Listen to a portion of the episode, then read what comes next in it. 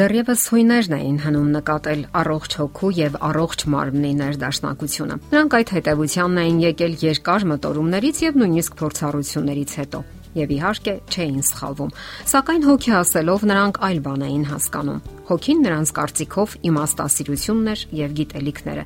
Այդ բոլորն իհարկե կարեւոր էին, սակայն հոգի երևույթի ճշմարիտ ընկալումը մարդ Աստված փոխհարաբերությունն է։ Իսկ ընդհանրապես այն հոգու, մարմնի եւ մտքի ներդաշնակ համամասնությունն է եւ հավասարակշռությունը։ Մարդկային մեկ այլ խումբ սխալ մեկնաբանելով Աստվածաշունչը ընկնում էր մյուս ծայրահեղության մեջ եւ ընդհանրապես անտեսում ֆիզիկական մարմինը։ Դրանք պարզապես խեղում էին այն անիմաստ չարչարանքների միջոցով։ Վանականները, փակվելով հերավոր խցերում, շատ քիչ էին սնվում, մտրակահարում էին սեփական մարմինը, սուր գամերով цակծկում էին այն եւ այլ տանջանքներ հորինում։ Իրականում կարևոր են թե մտքերը, թե ֆիզիկական մարմինը եւ թե հոգեվոր առողջ մտորումները։ Եթե դուք ցանկանում եք առողջ լինել, պետք է անընդհատ պայքարեք վատ մտքերի դեմ, որոնք ցակում են ձեր բանականության մեջ։ Օրինակ, դժգոհությունը եւ անբավարարվածությունը վատ են անդրադառնում առողջության վրա։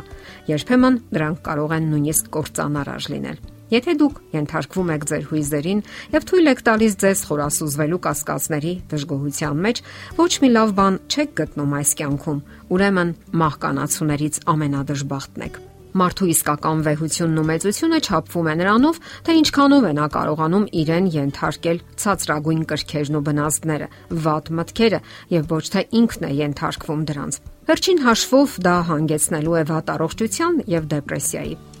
Եվ այսպես, եթե դուք ցանկանում եք հիանալի առողջություն ունենալ եւ վայելել կյանքը իր բոլոր հրաշալի դրսևորումներով, ուրեմն ձեզ համար բնաբան դարձրեք հետեւյալ բանաձևը ոչ տագնապներին եւ այո սիրուն։ Սովորեք ապրել հիանալի տրամադրությամբ։ Ինչքան երկար եք օգտագործելու հանգստացնող դեղամիջոցները։ Դրանք կարող են այլևս չազդել եւ կախվածություն առաջացնել։ Իսկ հետո ինչ եք անելու։ Ուրեմն անհամեմատ ավելի խելամիտ է ճիշտ վերաբերմունք մշակել կյանքի հանդեպ։ Պետք չէ ուշադրությունը կենտրոնացնել միայն ձեզ վրա։ Մտածեք, հոգ տարեք նաև ուրիշների մասին Սևերուն կպչուն մտքերը սեփական անձի շուրջ հոգեբանական ծուղակ են, որի մեջ այսօր շատերն են հայտնվում։ Իսկ դուք գիտեք արդյոք, որ սերը շատ ուժեղ ցավազրկող է։ Սերը կարող է բուժել հոգին ու մարմինը։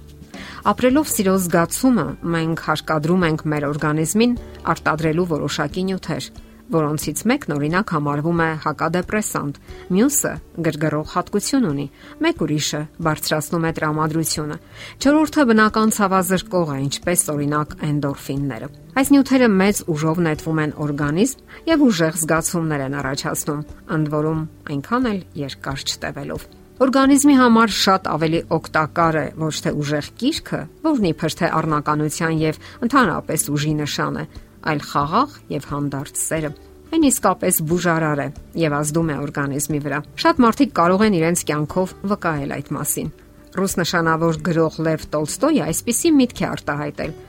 Սիրո հատկությունը հենց այն է, որ այն բարիք է շնորհում այն մարդուն, ով ապրում է դա։ Մտածեք այն մասին, թե ինչքան դրական հույզեր են ապարգևում մեզ հանուն ուրիշների կատարած բարի գործերը։ Մեզ ուղված շնորհակալական եւ երախտապարտ հայացքները շատ բան են պատմում։ Իսկ եթե դեռ չեք հմտացել բարի գործերի մեջ, ուրեմն հենց հիմա է ժամանակը հմտանալու դրա մեջ։ Համոզված եղեք, որ ձեր առողջությունը միայն կշահի դրանից։ Սակայն չէ որ բարի գործերը կրկնակի օգուտ են տալիս, եւ դրանից շահում եք թե դուք, եւ թե այն մարդը, ում համար անում եք դա։ Մարդը ուրախություն եւ երջանկություն է զգում այն բանի գիտակցումից, որ ճիշտ է կատարել իր պարտքը, եւ մեկ ուրիշն էլ է բավականություն, եւ մեկ ուրիշին եւս բավականություն է պատճառել։ Կատարյալ առողջություն ունենալու համար անհրաժեշտ է, որ մեր սրտերը լցված լինեն հույսով, սիրով եւ ուրախությամբ։ Հարկավոր է սովորել ճիշտ ուղություն տալ մտքերին, որ դրանք կենտրոնացած լինեն որևէ ուրախ պայծառ բանի վրա, այլ ոչ տխուր երևույթների։ Այլապես մենք միայն վհատություն կզգանք։ Բարի գործերը, ուրախությունը, երջանկության զգացումը միայն երկարատև եւ իսկական առողջություն կապարքևեն։ Դրա համար կախարդական դեղատոմսեր չկան։ Դրանք չեն վաճառվում դեղատանը։ Շատ մարդիկ այրվել են կախարդական դեղամիջոցի Շատ մարդիկ այրվել են կախարդական դեղամիջոցի ունայն որոնումներում եւ հուսահատ կանգ առել, սակայն այդ բուժամիջոցը ձեր ձեռքերում է։ Խաղաղ եւ բարյացակամ վերաբերմունք մարդկանց հանդեպ, հարգանք, անշահախնդիր հարաբերություններ եւ անկեղծ ոչ ձևական սեր։ Գնահատանքը եւս կարեւոր է։ Հարկավոր է շնորհակալ լինել մեզ համար արված յուրաքանչյուր բարի գործի համար։ Այն նույնպես նպաստում է հրաշալի առողջությանը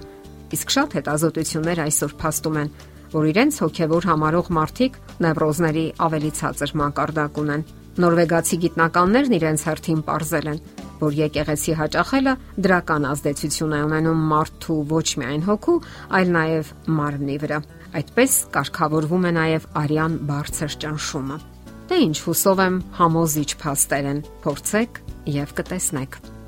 Եթերում է առողջ ապրելակերպ հաղորդաշարը։ Ձեզ հետ է Գեղեցիկ Մարտիրոսյանը։